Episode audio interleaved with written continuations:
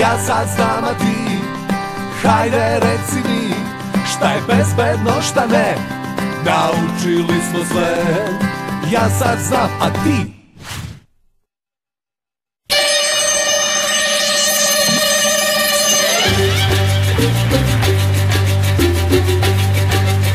S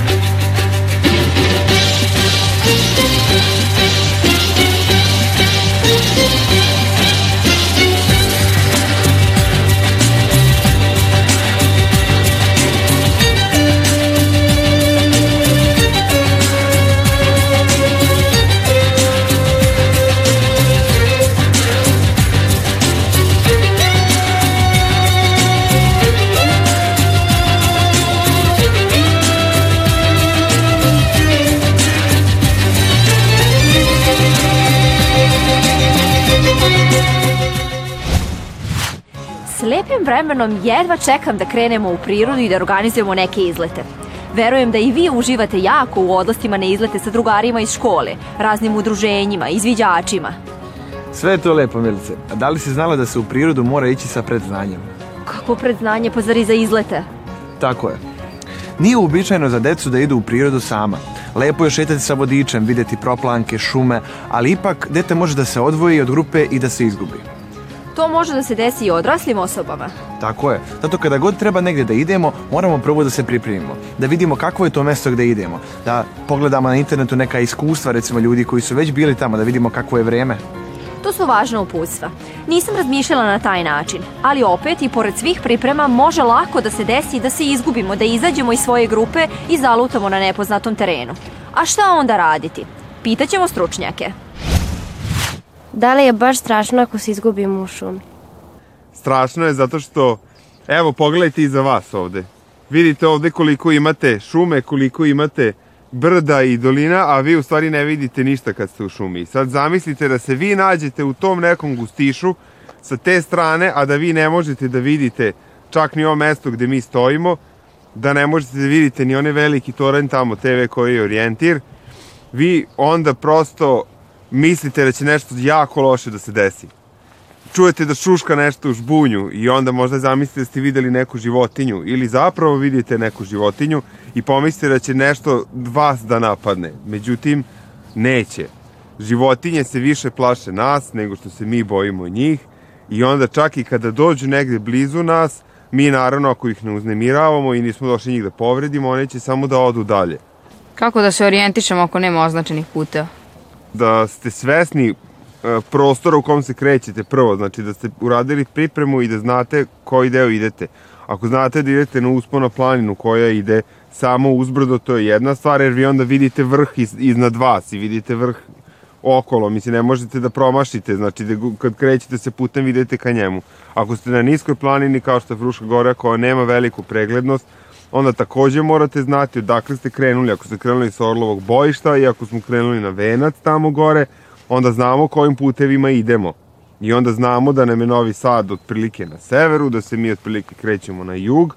I onda ako vi skrenete na neku putanju, drugu neku stazu, opet ćete znati otprilike koje su strane sveta važne.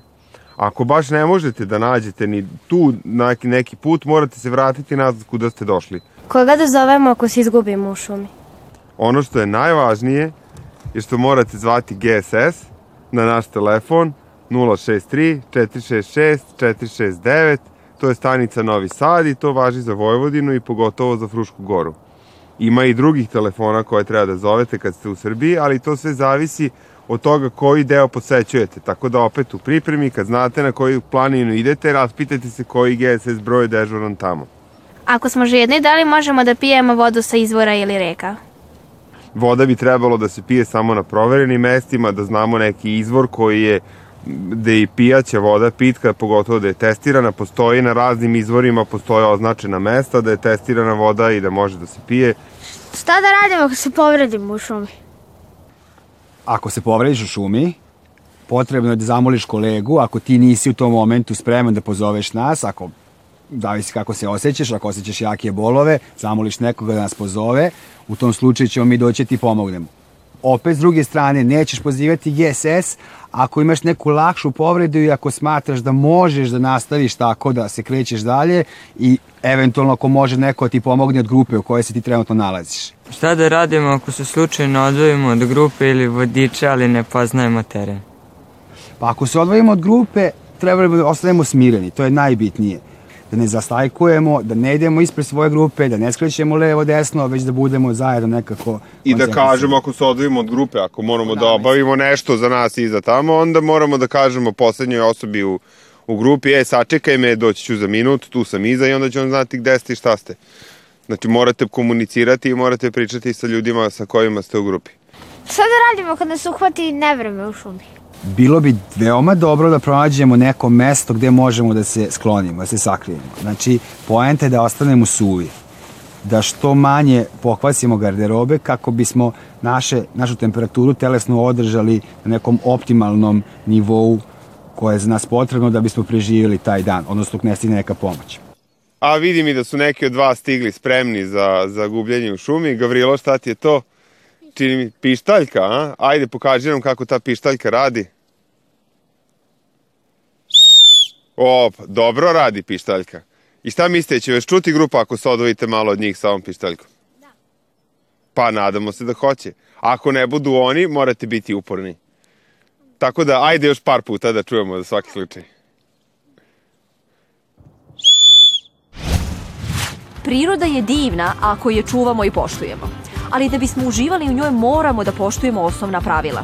Zato je važno da naučimo neke osnove za orijentaciju i boravak u prirodi.